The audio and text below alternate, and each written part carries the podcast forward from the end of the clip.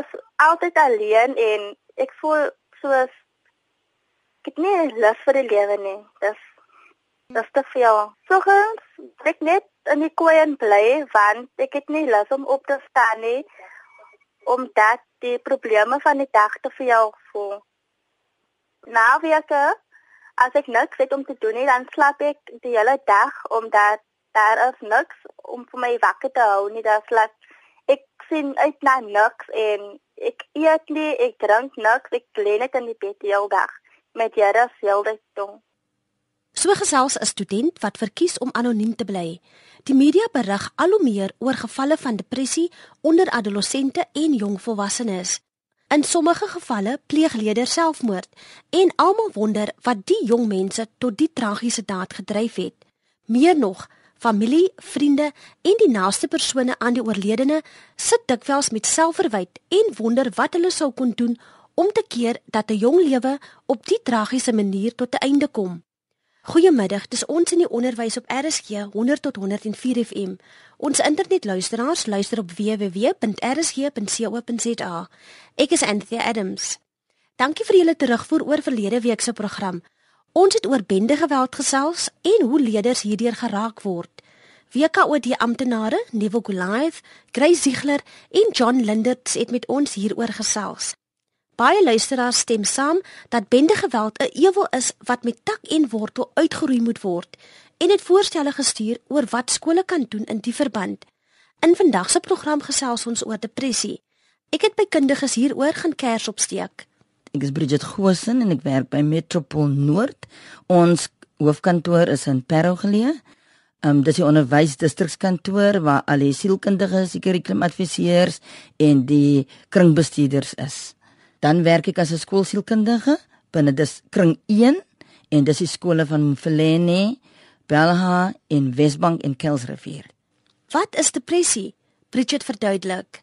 Depressie is 'n gemoedsversteuring. Depressie kom op die kontinuum voor van op die laagste punt is hy depressie en op die uiterste punt gaan dit wees jou jou maniese toestand. So jy's of baie bedruk en af of baie happy. Maar dit is belangrik om te weet dat dit op 'n kontinuum is. So 'n uh, depressie is basies 'n gemoedstoestand waar jy vir 2 weke elke dag van die 2 weke wat jy af en bedruk voel. En dit noem ons dan 'n major depressie. So in korte is dit nie die gewone ek voel af vandag nie en iemand kan jou opbeer vir ten minste 2 weke voel jy bedruk en af en daar is ook sekere kentekens. Die kentekens van depressie word maklik misgekyk. Bridget sê waarna onderwysers, ouers en vriende kan oplet. Wel die eerste ding soos ek gesê het is is die 2 weke periode wat die die leerder nou eerder baie baie afvoel. So met ander woorde is of hy die depres gemoedversteuring of hy het vir um, sy belang verloor in sy dinge wat hy elke dag doen, dinge wat vir hom plesier was en byna al sy aktiwiteite. So een van daai twee, maar baie keer by die jong leerder gaan jy liewer kry dat hy irriterend raak en irriterend optree en met alles geïrriteerd wees in steede van die sad of depressed. So daar's 'n verskil tussen die die vroeë adolessent en dan die adolessent. Die vroeë adolessent toon dikwels kentekens van depressie. Die vroeë adolessent sal sou wees deesdae alles mos vroeër is so 8, 9, 10, 11. Gewoonlik was dit die tweens, met ander woorde as jy 10, 11, 12 voor adolessensie, maar ons tel hom nou op van 8, 9, 10. En hulle het spesifieke kentekens. Ons noem dit die somatiese siektes. Met ander woorde, die kind kry, hy kla oor kopseer. Hy sal opstaan en hulle sê maak gaan nie skool toe nie met kopseer of my maag seer of hy is hy is, is net geagiteer enige ding vererg hom of hy hy hy kom skool toe maar bring hom dalk skool toe of iemand en hy hy ly aan skeiding angs. By die hek wil hy nie meer tot sien sê nie, hy wil nie meer ingaan nie en dan het die kind ook sekere fobias. Dis nou die jonger kind. 'n Ouer wat verkies om anoniem te bly, vertel van haar kind wat in graad 3 is se ondervinding. Ek het my dogtertjie hospitaal toe gevat want ehm um, sy het vir my gesê dat sy voel naar en dat ehm um, sy nie kan sien in haar een oogie nie. En sy het toe vertel sy sê dat haar maagpyn en haar kop is seer en sy is verskriklik naar. Ons het by die hospitaal gekom, dokter het vir ondersoek. Dokter het vir my gesê dit is daar is niks fout saam met haar nie. En ehm um, toe vra hy vir my of enige huislike probleme. Ek het gesê nee, nie waarvan ek dink nie. En ehm um, hy het toe gevra dat ehm um, is daar moontlikheid dat ehm um, jy 'n bietjie onder ehm um, stres geplaas word die afgelope tyd. En as toe dit sê toe noem dat daar 'n uh, dogtertjie by die skool is wat daar wel amper elke dag boelie. As sy verby stap dan slaan die dogtertjie va en ehm um, dit is nou al 'n stelsel wat dit nou amper daagliks gebeur. En toe sê die dokter vir my sê dat dit is nie eintlik iets goed nie omdat um, dit is nou 'n tipe van 'n angsaanval wat sy gekry het. Hy noem dit eintlik 'n migraine aanval as gevolg van daar is baie druk wat op die oomblik geplaas word op haar. Ouer leerders verloor gewoonlik belangstelling in alledaagse aktiwiteite. Die ouer kind gaan ons kyk na die kriteria wat jy gebruik om te diagnoseer en dis basies wat die psigiater doen.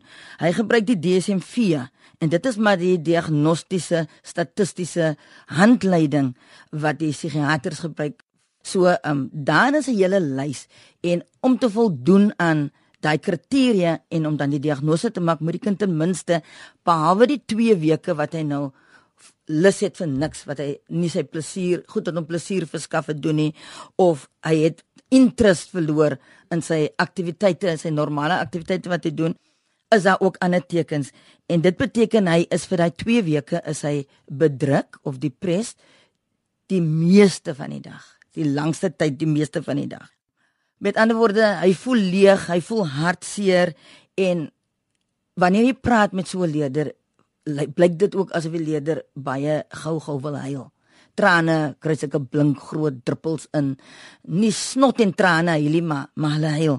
So dan moet dan moet vyf van die tekens soos daai se eerste ene. 'n Graad 12 leerder wat ook anoniem wil bly, vertel van sy ondervinding.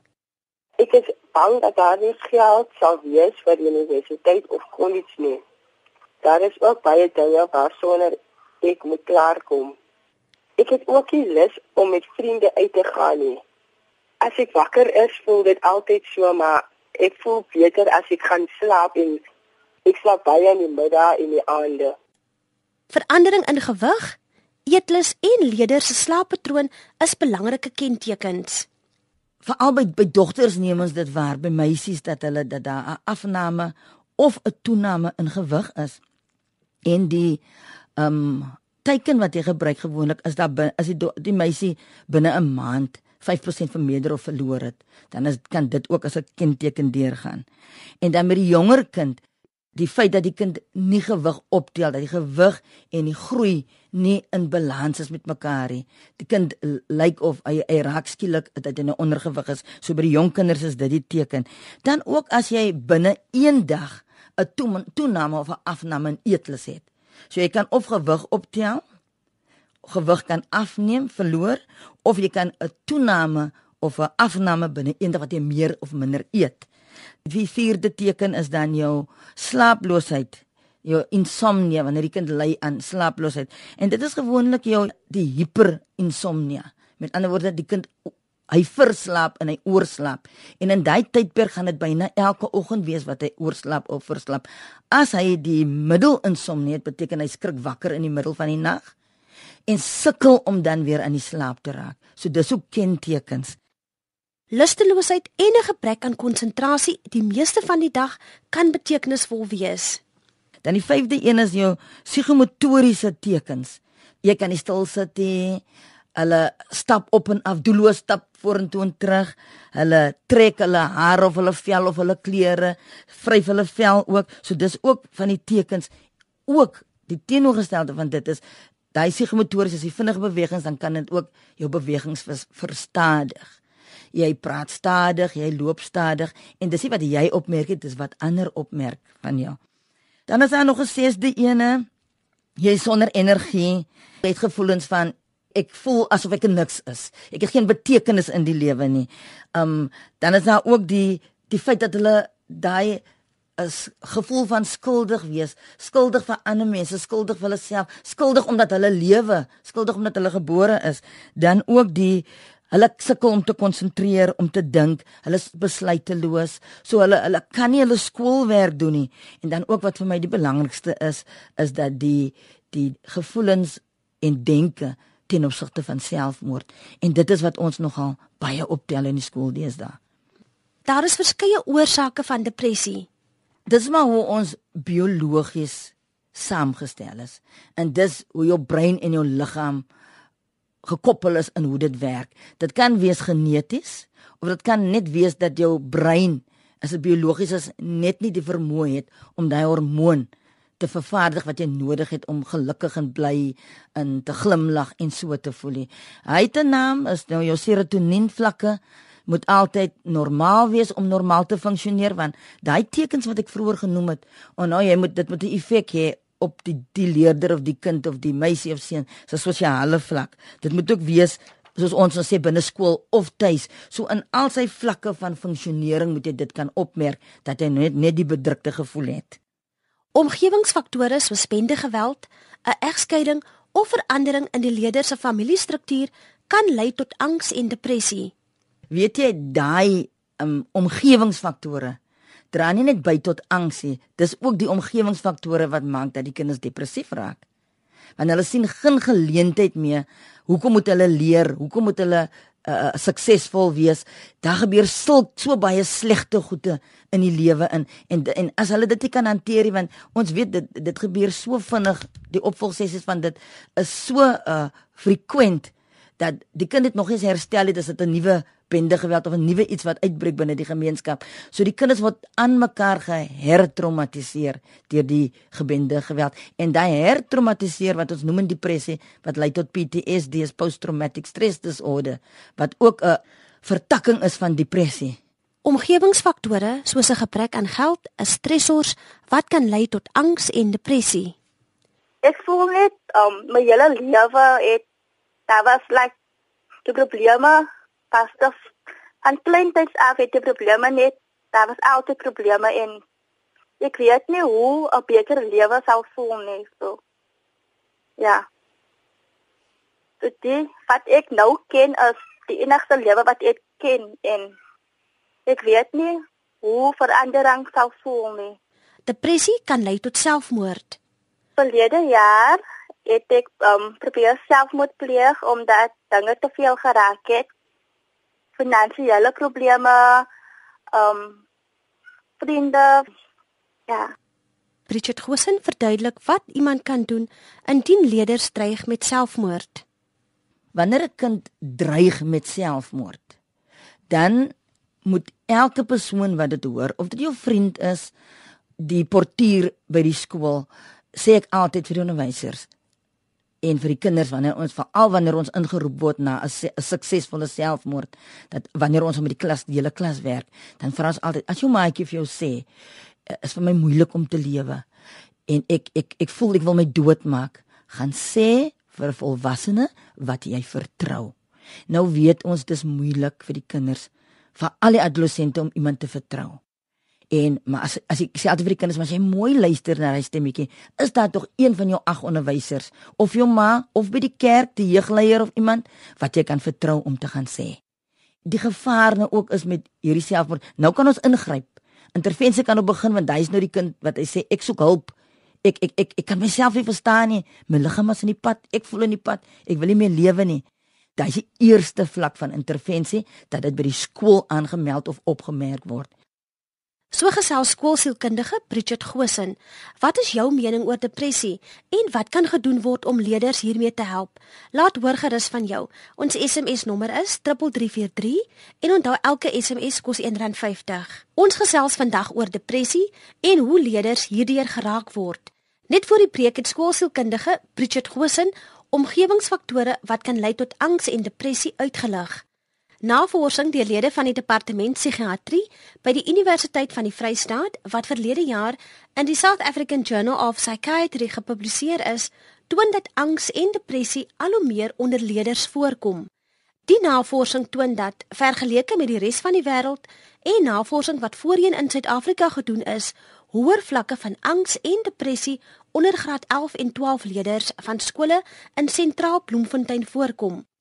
Navorsers Strydom, Pretoria en Joubert waarsku dat angs indien dit nie behandel kan word nie, kan lei tot depressie, substansmisbruik en swak skoolprestasie. Behandeling is uiters noodsaaklik en onderwysdepartemente ondersteun leerders en opvoeders in die verband. Bridget verduidelik wat by die Wes-Kaapse Onderwysdepartement, die WKOD gebeur. Wanneer 'n opvoeder nou opmerk dat die leerder nou 'n depressiewe gemoed het, nou sal hulle daar's 'n verwysings amptelike verwysingsvorm wat hulle instuur na die soos ek gesê die sielkundige in die distrikspan en dis 'n multidissiplinêre span Ons het sewe kringe in ons distrik. So elke kring is toegerus met 'n maatskaplike werker en 'n sielkundige. En die verwysing kom dan deur na hulle toe. En dan sal jy nou kontak maak en 'n afspraak maak en jy sal die kind of by die skool sien of by die distrikskantoor. Kyk baie van ons skole is die la sosio-ekonomiese groep. So hulle kan nie eintlik tot by die distrikskantoor kom nie. Maar baie van hulle verkies om dan toe te kom oor die stigma van depressie dat hulle nou die sielkundige moet gaan sien, vir sielkundige om skool toe om vir hulle te sien. So daar's ook nog 'n bietjie wat ons moet dit afwerk of aftakel oor depressie.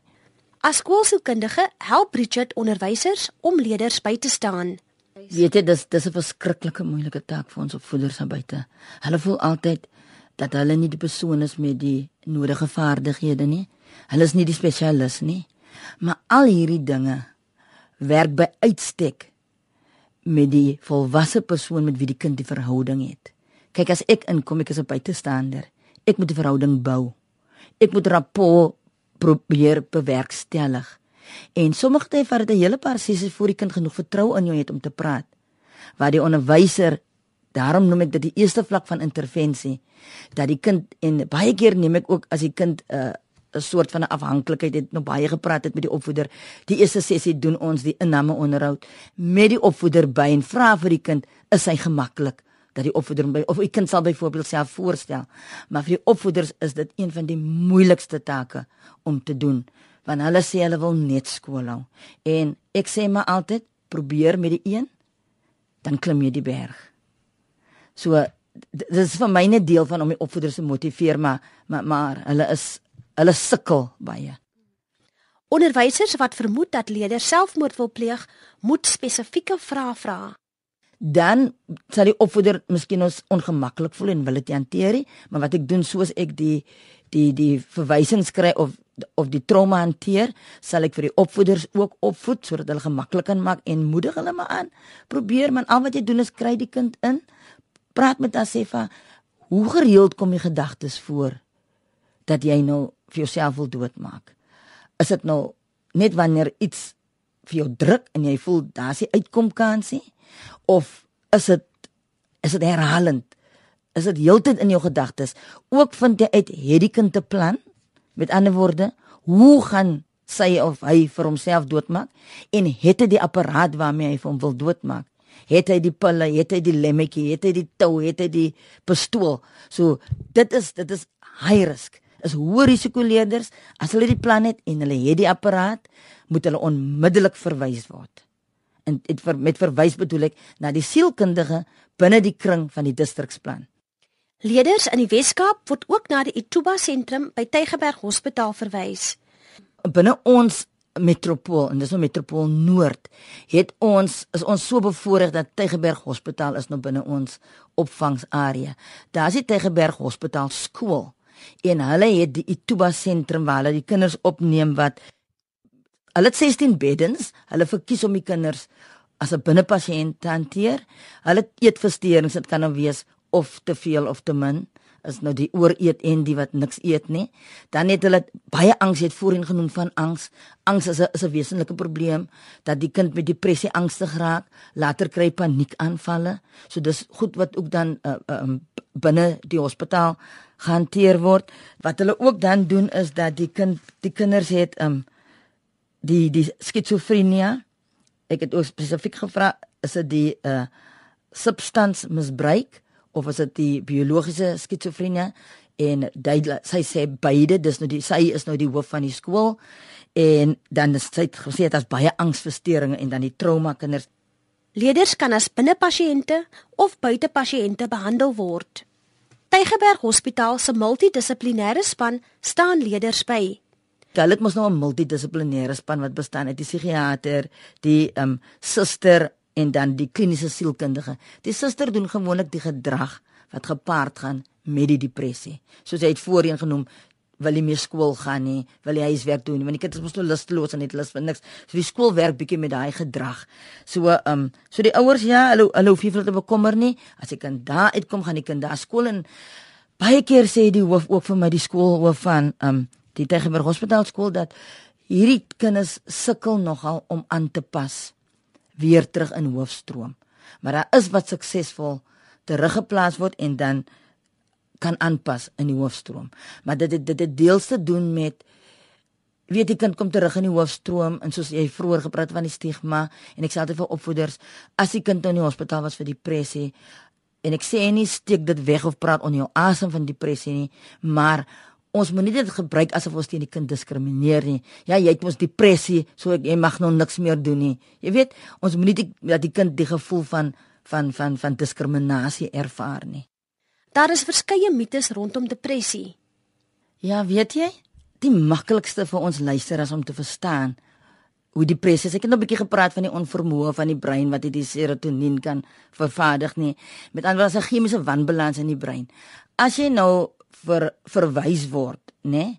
Ek gaan weer weer terugkom na jou vorige vraag wat die sielkundige as dit erge depressie is en en jy jy voel kyk omdat ons die klomp skool het ek probeer dit net te sê om mense weg te wys om nie te verwys nie het ons binne die WKOD ook plekke dat ehm um, die stigma is dat weet jy as jy 'n hartsiekte het, as jy suiker siekte het, as jy 'n long siekte het of wat se siekte ook al en die dokter gee vir jou medikasie, dan haal jy baie maklik jou pilletjies uit en jy sê dis mos nou vir my suiker of dis nou vir my dit. En maar as jy depressie het, gaan jy nie so gemaklik wees om te sê ek is 'n depressie leier. Hier's my pille wat ek moet uithaal om te drink nie. Juis omdat dit kom nou van die argaïse verstaan af waar mense gedink het sodra jy 'n siekte toestand het, 'n psigiese siekte toestand het, dan is jy mal. En dit is ook om die kinders sê as jy 'n sielkundige gaan sien, dan is jy mal. So so uh, dit is wat ons moet afwerk en ons kan dit net afwerk deur ons stem duidelik te maak en meer en meer openlik te praat oor depressie dat depressie is iets wat ons voor die kop lees nie maar depressie is behandelbaar. Met die regte terapie kan depressie genees word. As jy volhou met jou met jou medikasie en volhou met jou terapie en ek praat nou ook van 'n spesifieke terapie it's not just talk therapy of praat terapie wat jy na die sielkundige toe gaan dit kan obviously sielkundige by die distrikskantoor of privaat of baie skole van ons het hulle eie sielkundiges op kampus by die skool op die skoolgrond.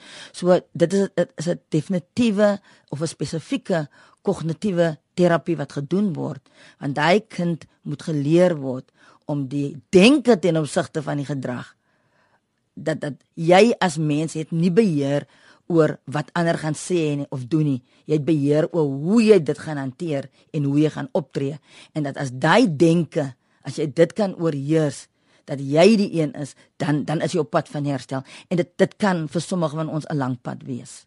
Hier is Bridget se kontakbesonderhede. Wel, soos ek gesê het, ek is by Parow Districts kantoor en ons algemene nommer is 021 938 3000. Dit is gewoonlik die maklikste om te onthou. Dan kan u net vra vir 'n sielkundige. Dit dan ons program oor depressie en hoe leerders hierdeur geraak word. Ek het met Bridget Gosen gesels. Sy is 'n skoolsielkundige by die WKOD. Onthou om ons by 3343 te SMS as jy van jou wil laat hoor. Elke SMS kos R1.50. Volgende week gesels ons oor dwelms en leerders. Tot dan, mooi bly.